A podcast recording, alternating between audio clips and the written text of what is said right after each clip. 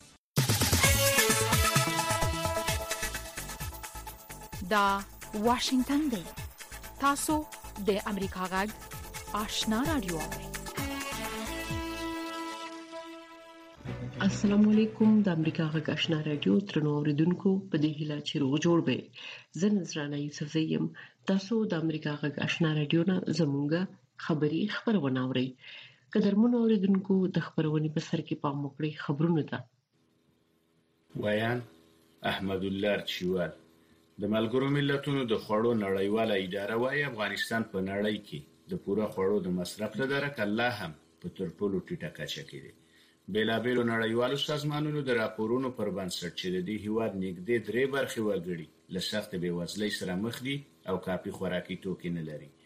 تازه د ملګرو ملتونو د خوړو نړیوال پروګرام ویلي، چې افغانستان په نړۍ کې د پوره خوړو د مصرف له درکه لا هم په تر ټولو ټیټه کچه کې دی. د خوړو د خوندیتوب په اړه د ډبلیو ایف پي میاشتنۍ ارزونه ښيي، چې په افغانستان کې په منځنۍ کچه د هرې کورنۍ دوه نوي سلنه عاید په خوړو مصرفېږي، په داسې حال کې چې یو پنځوس سلنه کورنۍ هڅه کوي چې په ترلاسه شویو عوایدو یوازې لومړني خوراکي توکي راونیسي. د ملګرو ملتونو د کډوالو د چارو ادارې، یونیسیار، په وینا، د افغانانو په ګډون په نړۍ کې اویا په سلو کې کډوال د اقلیم د بدلون له امله مجبوره شوي چې خپلې سیمې پرېږدي. د کډوالو لپاره د ملګرو ملتونو عالي کمېشنر، فیلیپو ګرانډې د اقلیمي تغییراتو په اړه د ملګرو ملتونو اووه ویشتمې غونډې ته وویل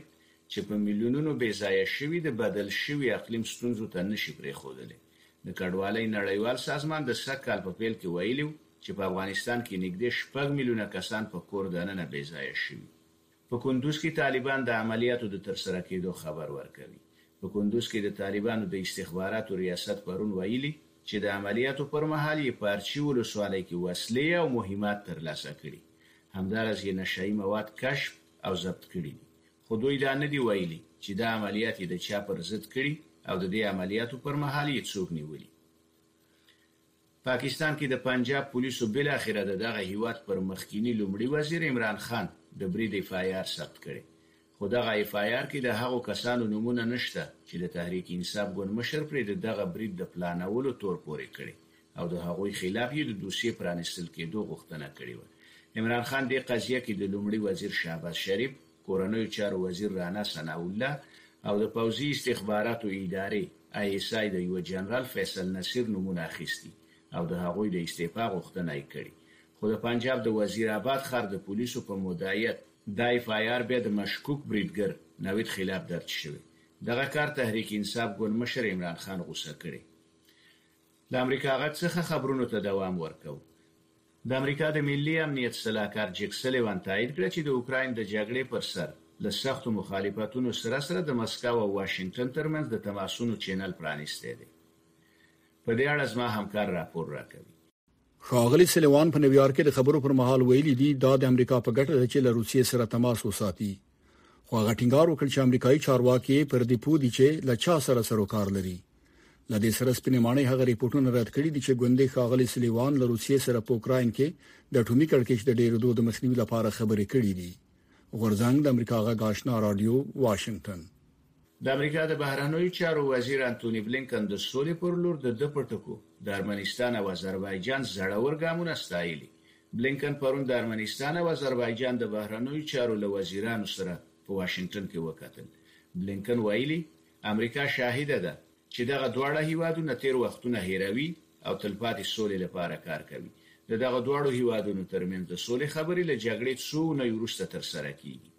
د ایران د حکومت یو اپوزیسیون ګوند د ناکراریو د مخنیوي لپاره د نویو ټاکنو د ترسره کولو وړاندیز کړی. د اسلامي ایران د مشارکت ګوند عمومي منشي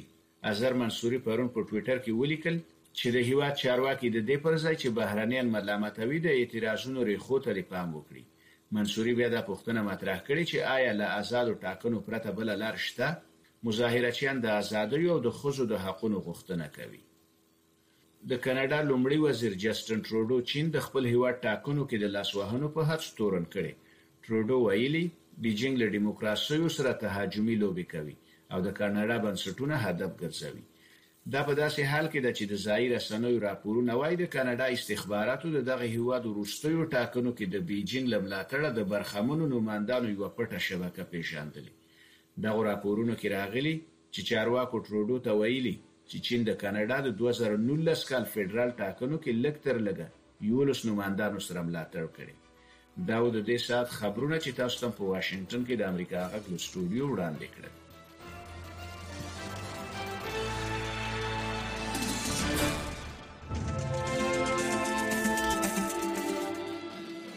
د امریکا غږ آشنا رادیو درنو اوریدونکو تاسو کولای شئ د امریکا غږ آشنا رادیو خبرونه په منځنوي سپو 12 شپږ نوي او 902 کیلو هرتز او لنډې چپې 11515 باندې واورئ د امریکا غږشنا رادیو درنو اوریدونکو تاسو خبرونه واوریدل په موکړی زموږه د خبرونې لومړی رپورت ده د طالبانو د حکومت د مالیې وزارت وايي د روان لمریز کال په وو میاشتو کې د افغانستان د صادراتو کچه د یو میلیارډ ډالرونه اوړېدلې ده د بلې خوا ملګري ملتونه هر اونۍ افغانستان په لوی کچه نګ ډالر راوړي دا چې د ډالر د طالبانو حکومت ته سپارل کیږي او کوملګري ملتونه په خپل د خپل اړتیاو لپاره مصرفوي په دې اړه کابل کې د امریکا غږ آشنا رادیو خبريال اکرام شینواری د طالبانو د حکومت د مالی وزارت د ویاند احمد ولی حکمل سره مرکه کړې تاسو ته درورو حکمل صاحب د صادراتو زیاتېدو علتونه څه دي د هغه سهولتونو د مخې چې موږ په ګمرکات کې ایجاد کړی دي فساد کلک مبارزه مو کړې ده فساد مخه مونږ نیولې ده نو په صادراتو کې فوق العاده زیاتوالی راغلی، یعنې د روان کال د حمل د اولې څخه بیا د میزان تر دېرشمې پورې د څلور سوه یو کال په لومړۍ اوو میاشتو کې شاوخوا د څلور نوي میلیارد افغانیو په ارزښت موږ صادرات درلودل و مختلفو هېوادو ته چې دا په پرتله د تېرو کلو سره فوق العاده لوړ ارقام دي تیر حتی تیر یو لسیزه کې هم په لوم د کال په لومړیو شپږو یا اوو میاشتو کې په دې اندازه صاد هیڅ وخت نه دي سوي لکه دا پلا چې سوي صادرات ډېر سوي دي واردات ډېر سوي دي طبیعي خبره ده مالیات په صحیح توګه راټولیږي فساد مخه پکښې نیول سوې ده هره افغاني که د مالیات څخه وي او که د ګمرکي محصول څخه وي هغه مستقیم د ملت بیت المال ته ځي نو عواید مو هم فوق العاده لوړ شوي او د هرې ورځې په تېرېدو سره نسبت پخوا ته مخ په لوړېدو دي دا تېر اتو نو میاشتو کې یعنې ټوله دولتداري مسایل هغه که عادي برخه وي که انکشافي برخه وي دا ټوله موږ د خپل داخلي عوایدو څخه پر مخ وړو. ایا په دې کې د ډبرو سکرو صادرات هم شامل دي؟ بله صادرات مطلق ټوله صادرات نو په دې کې د د معدنیاتو د ډبرو څخه نیولې بیا تر وچو لندو میوو پورې یعنې ټوله هر قلم چې د افغانستان څخه صادریږي په دې کې ټوله شامل دي. اکمل صاحب افغانستان ته د ملګرو ملتونو لخوا هره اونۍ نغد ډالر راوړل کیږي ایا دا ډالر اسلامي امارت ته ورکول کیږي او که ملګري ملتونه یې پخپله مصرفوي؟ مخکې مو هم دا درناوی کړی و دا ستاسو د تریبیون د لارې بیا کوو هغه نقدې پیسې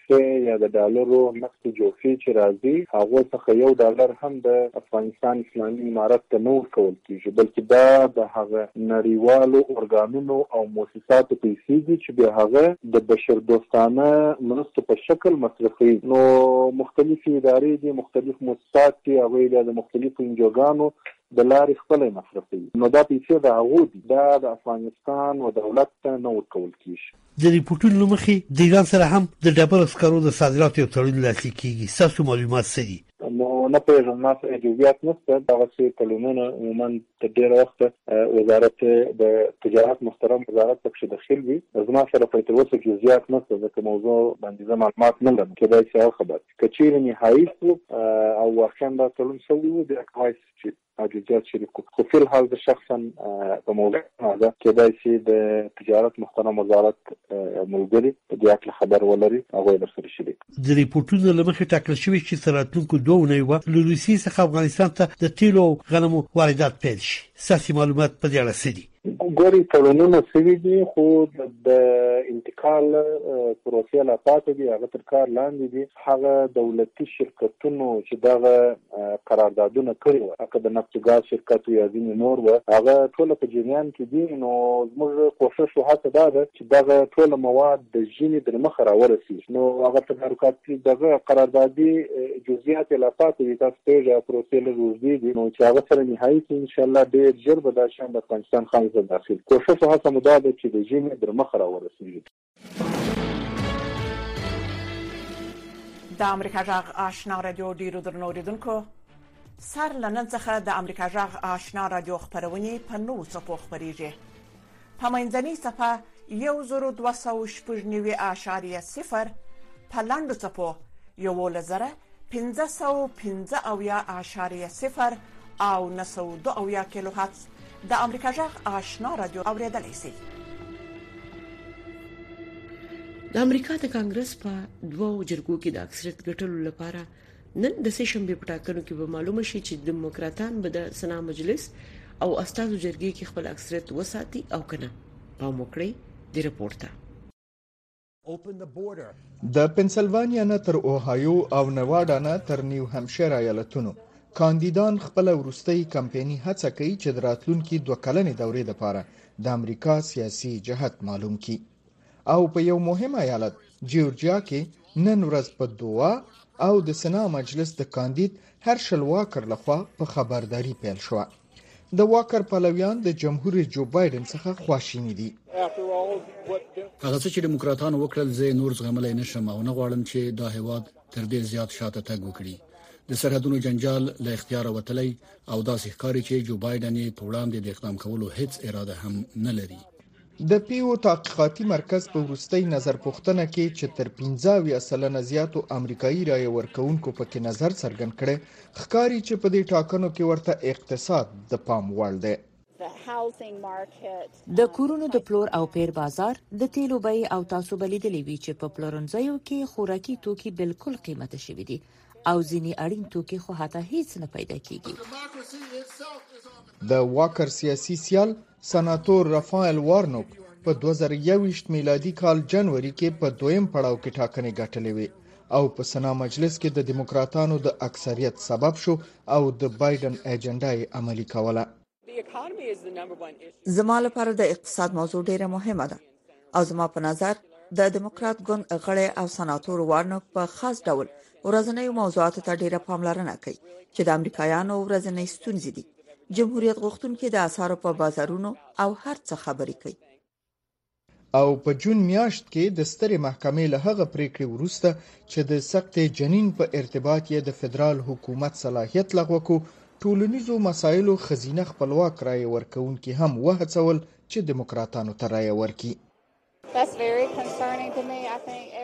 دغې خبرې زه ډېره اندېښمنه کړې یم. زما په نظر د څقدي جنین د حق لرلو یا نه لرلو په اړه د شخصي نظرونو پرته هم باید هر څوک صحي بیمه ولري.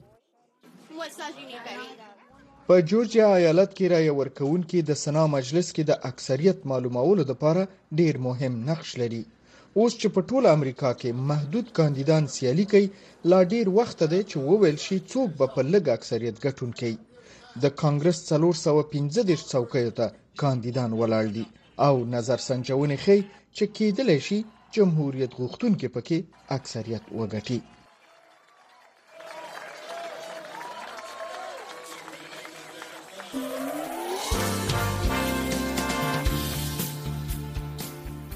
سپینې خبرې د ورځې په خبرونو او مسایلو د نظر د خاوندانو سپینې خبرې او د اوریدونکو نظرونه هر مخام د اتو بجو نه تر نه بجو پورې د امریکا غږ آشنا رادیو یو ساعته پښتو او دری خبرونه د منځمهاله ټاکنو وروسته د امریکا په کانګرس کې د جمهوریت غوښتونکو تله درنیږي نو سیډونکو سکاټ انډرسن وايي کانګرس په افغانستان د امریکا د وټلو په اړه پلټنې کول غواړي هغه وايي کې د شي امریکا ته دراغلو افغانانو مشکېدو لپاره قانوني مسوده منزور شي خو جمهوریت غوښتونکو بدلته د راتلونکو خلکو لپاره شرایط ختموي شهناز نفیس د نوموړي سره مرکه کړې، تاسو ته یې در اورو. هو، زموږ کانګرس په بهرنۍ تګلاره کې ډېر مرکزي رول لوبوي. دا د ولسمشر تر لارښوونې لاندې اجرایي څانګه ده چې بهرنۍ تګلاره عملي کوي. کانګرس دا پریکړه کوي چې سفیران او ډیپلوماټان به څوک وي او هره ورځ یې لارښوونه کوي. کانګرس د دوی د چلند څارنه تر سره کوي، د هغوی د فعالیتونو لپاره قانون جوړوي، د دغو فعالیتونو تر سره کولو لپاره ورته پیسې ورکوي او دا کانګریس ته د منځنۍ او اوږدې مودې لپاره د متحده ایالاتو د بهرنۍ پالیسۍ په جوړولو کې مرکزي رول ورکوي. ښاغلی انډرسن یو عام امریکایي چې د منځمهاله ټاکنو کې رائے اچوي نو کېدای شي د امریکا بهرنۍ تګلارې داغه په ذهن کې نه وي خو تیر کال امریکایانو د افغانستانه د امریکا د وتلو په وخت د ټلویزیونونو په پردو ډیره ګډوډي لیدلې نو څه فکر کوي دا ځل ټاکنو کې به رای ورکوونکي بهرنۍ تګلارې ته هم پام کوي تاسو په هیګه چې دغه تګلارې د ترامپ د ادارې لخوا ترتیب شوې و او د بایدن د ادارې لخوا مخکې وړل شو او پلي کړای شو خلکو نور په افغانستان کې په جګړه نیوکه کولې زما په فکر جمهوریت غوښتونکي که کانګریس کې اکثریت واخلي نو دوی به دا پلټنې کول غواړي چې د افغانستان پوځ څنګه وېستل شو او په جو بایدن باندې د نیوکو لپاره به دا مسأله د 2023م کال په ټاکنو کې د ګټلو لپاره یادوي مستر انډرسن خاغلی انډرسن دا معلومه خبره ده چې له افغانستانه د ځواکونو په ایستلو دواړه ګوندونه رضاو خو د ولسمشر بایډن سیاسي مخالفین د جګړې د ختمولو په سرنګوالي باندې نیوکې کوي تاسو څه فکر کوئ چې دا به په دې ټاکنو کې جمهوریت غوښتونکو ته په دیموکراټانو بری ورکړي په دې منځمهاله ټاکنو کې نه زما قوي ګمان دا دی چې د ټاکنو کې څوک برخه اخلي هغوی د افغانستان په اړه پریکړو کې ښکیل نه وو دا خبره کېدله چې آیا امریکا به وکړای شي چې هلته به د ترهګرۍ ضد عملیات وساتي بل دا چې په افغانستان کې د بشري وضع په اړه اندېښنه هم شته نو دا خبره په دې ټاکنو کې یو عامل وي او ځینې کاندیدان به د بیلابل متن سره بیانوي خو منځمهاله ټاکنې زیاتره د کورنیو موضوعګانو نه تاویږي د ټاکنو وړاندې ټول پښتني خای چې کې د شي جمهوریت غوښتونکي کانګرس کې اکثریت وګټي کدا سي وشي نو دا د افغانستان لپاره څه معنا لرلی شي او آیا دلته د راغلو افغانانو د میشت کېدو لپاره په کانګرس کې وړاندې شوی قانوني مسوده به منزور کړل شي دا ښه پوښتنه ده که هغوی اکثریت وګټي نو زه فکر کوم چې ډیر تمرکز به په نظارت وي دوی به شاته او مخې ته ګوري چې د افغانستان د وټلو په وخت څه شوی وو ډیری جمهوریت غوښتونکي به په ښکاره ډول په دې نظر انتقاد کوي چې متحده ایالات په افغانستان کې له شتون پرته د تروریزم ضد عملیات کولای شي دوی به د دفاع وزارت او چارواکو نه پوښتنه کوي چې آیا په رښتیا امریکا دا کار کولای شي دیموکرات ګوند عموما په متحده ایالاتو کې د مهاجرینو او نورو بې ځای شویو خلکو بیا مشته کولو لپاره نرمه تګلارې لري نو زه ګومان کوم چې د جمهوریت غوښتونکو په مشرۍ کې کانګرس به ډیر فشار اچوي چې امریکا ته د راتلونکو خلکو شمیر کم کړي یا دلته د راتلو شرایط سخت کړي نو ممکنه ده چې دا لږ توپیر ولري خو کېدای شي داسې پلان وي چې دا قانون د دې کانګرس په موده کې عملی شي find a way to get enough critics on board in Congress to override د امریکا غږ آشنا رادیو درنو اوریدونکو تاسو کولای شئ د امریکا غږ آشنا رادیو خبرونه په منځنوي سپو 12 شپږ نوي او 902 کیلو هرتز او لنډې څپې یوولس زره پنځه سوه پنځه اویا باندې واورئ. د شمالي امریکا د مسلمانانو ټولنه یا اکنا هر کال د مسلمانانو د تفریح او ساتيري لپاره د مسلم فیملی ډي په نوم یو میله جوړوي چې سږ کال پکې زیات شمیر نو راغلو افغانانو هم برخه اخیستې نور حال د متي الله بت په رپورت کې اوري حي علي الفلاح. د امریکا د مریلنډ ایالت د سیکس فلیګز په نوم دغه تفریحي پارک د یوې پوره ورځ لپاره یوازې د مسلمانانو لپاره نیول شوی او د سیمې مسلمانان ورته د زرهاو په شمېر راغلي وو. تاسو ګورئ چې نن څومره زیات شمېر کې مسلمانان دلته راغلي دي. او بیا په تیره مونږ خوشاله یو چې امریکا ته نوی راغلي افغانان هم نن زمونږ د دې میلې برخه دي او مونږ ورته هر کله وایو د مسلم فیملی ډی یا د مسلمان کورنیو شریکه ورځ یوازې د میلې او تفریح لپاره نه وه جوړه شوې بلکې تر شا یې نور هدفونه هم وو. موږ داسې میلې د امریکا په مختلفو برخو کې جوړو ترڅو امریکایي مسلمانان ټوله ورځ د یو بل سره په یو ښه چاپیریال کې تیره کړي.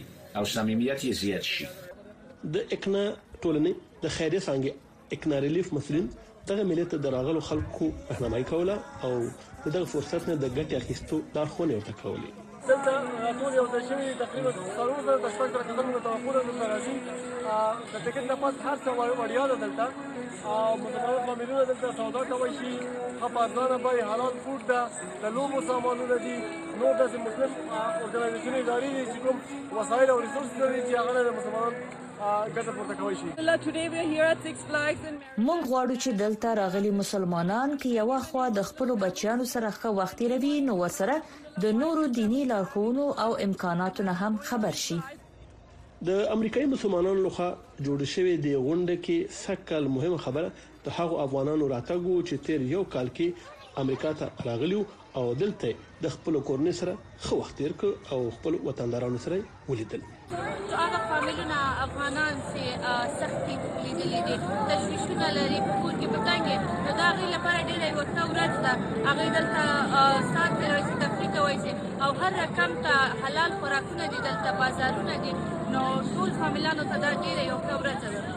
خو دلته دوی لپاره بل زمينه هم کېږي چې نور افغانان سره وګوري او هغه سره راشه درشه وکړي ملاقاتونه وکړي د مریلند د سکس فلیکس په دغه تفریح پارک کې د مسلمانانو د فامیلی میلې ګډونوالو د خوښیو او ساتیرو ډکه ورځ تیر کړه او په خوشحالي سره خپل کورونو ته ستانه شول مطیع الله عابد امریکا غږ آشنا تلویزیون مریلند ټول د حقایقو د پیدا کولو په لټه کې امریکا غږ په نړۍ کې د موثقو معلوماتو په برخه کې نړیوال شهرت لري امریکا غږ په نړۍ کې د ټولو لپاره د خبرونو باوري سرچینه ده خلک د نړیوالو مسایلو په حق له جامع معلومات غواړي او امریکا غږ دا معلومات برابروي د امریکا غږ آشنا راډیو یو موثقه معتبره او جامع منبع منځنۍ چپه 1290 او په 15 ښارونو کې اف ام 0.15 د پښتونخوا د ملکند د سیمې اوسیدونکو الماس خانم وايي غواړي چې د ګندلو په هنر د انزور جوړونې لاري په ټولنه کې د زغم او د ښځو د حقوقو د ودې لپاره کار وکړي الماس خان تیر میاشت انګلستان کې یو نړیواله جایزه هم ګټلې پام وکړئ د رپورټ ته هنر د هنر لپاره او که هنر د ژوند لپاره د هنري موخو په هکله روان بحث دی خو د پښتونخوا وتلې انځورګره الماس خانم غواړي چې د خپل هنر له لارې د پښتنو په سیمه کې د مېرمنو د پرمختګ او سوله ییز ذهنیت خپرولو لپاره کار وکړي. زما د دې هنر بنیادي مقصد چې دی نو زه غواړم چې زموږ پښتنو هم پښتنې خويندې دي د دوی د تعلیم د لپاره که تاسو ګورئ بر وطن کې په جنکو باندې په تعلیم بندیز دی نو غواړم چې د دې تعلیم د لپاره کار وکم او د جنکو د حقوقو د لپاره وومنز رائټ د لپاره کار وکم او بل دا چې په لر او بر کې څومره هم پښتانه دي د دوی په منځ کې کته او تاو تر خواله دی او کنه مونږ وایو چې د مینې زیاتوالي لپاره دا غي لپاره کار وکم اغلی خانم تیره میاشت د بریتانیې د بلوي تر سازمان د مذهبي زغم د ودې نړیواله هنري جایزه وګټله. د دغه سازمان لخوا د خانم یوه هنري پنځونه چې د یوې میرمنې د هنرونو، کمالونو او ښایستونو تابلو ده ستایل شوې وه. د برتانیې له خوا چې دغه یو پروګرام را جوړ شوی و نو په دغه کې د ګردې نړۍ نه چې څومره هم ملکونه وو د هغې آرټیسټانو کولای شو چې په دغه کې برخه واخلي او زما د هنر خو هم دغه وجوه چې دا یو ځانګړی هنر دی ځکه زمانه مخکې بل چا نه وکړي او بل دا چې ما په کم سوچ باندې دا انزور جوړ کړي ونه هغه سوچ دا ډیر زیات خوښ شو په دې وجه یې ړومبنۍ جایزه واخیسته. خو دا څه ډول هنر دی او الماس خانم له چا څخه دغه هنر زده کړی؟ زما د هنر ځانګړتیا دا ده چی د دې چی کوم بنیاد دی هغه نه کینوس دی او نه کاغذ دی بلکه دا زه په غلبیل باندی کوم چی کور کی مونږ د اوړو چڼولو دپاره استعمالوو یا کوم چی زمونږ سره داسی غټ جالونه وی کوم چی زمونږ سره کارخانو کی استعمالیږی د هغی په مدد سره چی زه په ستن او پر تار باندې په مختلفو رنگونو باندې دغه انزورونه جوړوم نو که زه دا وایم چې د دې یا سرچینه یا د دې تخلیقکار یم د دې خپل یو ځانګړي هنر نو دا به بل نه وي اغلی خانم وایي د ټولنیزو فشارونو له امله وخت نا وخت ورته په سیمه کې ستونزې پیدا کیږي خو د کورنۍ د ملاتړ له برکته تر دې مهاله هنري یون پر مخ روان دی ظاهره خبره ده یو پښتنه ټولنه کې وسو په کم کې چې زمونږ ډیر داسي تنګ نظر معاشره ده چې پای کې جنې ته د تعلیم کولو حق هم نشته دی بیا داسې د خپل خوخي یو هنر تراتل بیا سوشل میډیا تراتل نو دا خو ډیره ظاهره خبره ده چې داسې بیریرز او داسې رکاوټونه او داسې ستونزې به خامخا وي خو داسې یو سپورټیو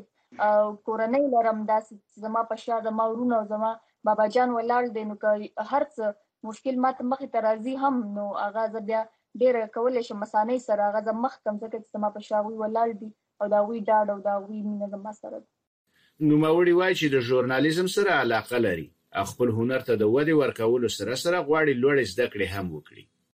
ما اوس د دولسم ټولګي ازموینې ورکړلې او په ډېرو ډېرې ښې نمبرې مې پکې واخیستلې مخکې غواړم چې جرنالیزم وکړم خو لا هغه حتمی فیصله مې پکې لا نه ده کړې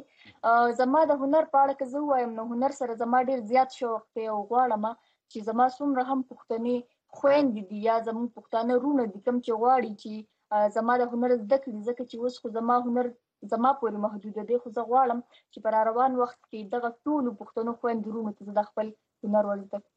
الماس خانم د خامک یا ګنډلو په وسیله تر اوسه د پخوانیو افغان شاهانو احمد شاه ابدالي او میرویس خان هوتکي سره سره د افغانستان د پخوانیو ولسمشرانو ډاکټر نجیب الله، حامد کرزي او اشرف غني په ګډون د یو شمېر نورو پښتنو شاعرانو او نړیوالو څېرو انځورونه هم جوړ کړي.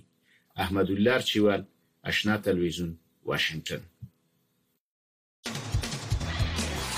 د واشنگټن څخه د امریکا جغ آشنا رادیو اوري په دوه کې د فوتبال لوبي مینوالو او علاقمندانو ته نندارتون پرانستل شوی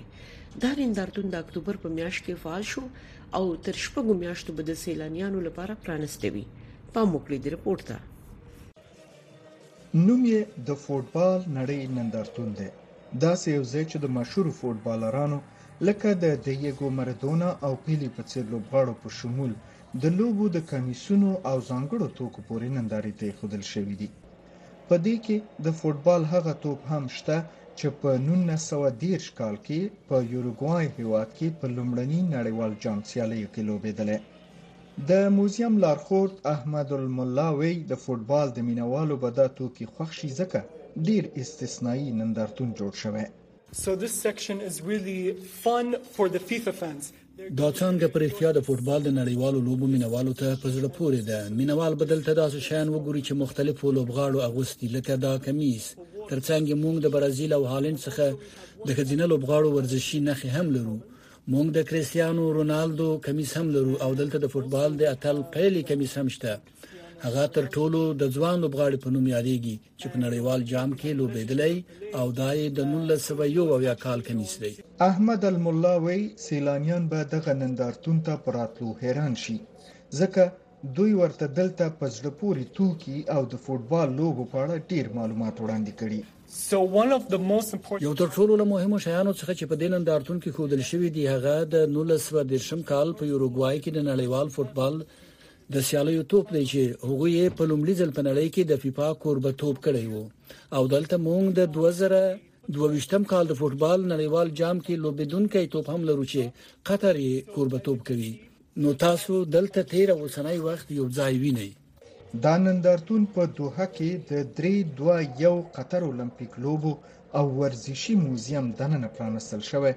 او د دوه زره درویشتم میلادي کال د اپریل تر میاشتې به پرانستی وي.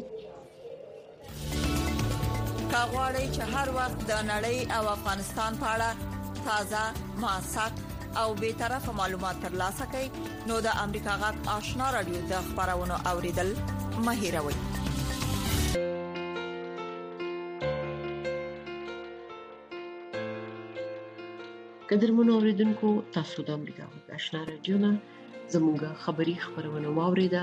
موږ تاسو نه په دې هیله اجازه غواړو چې خبرونه به اوریدلې وي د خدای په امان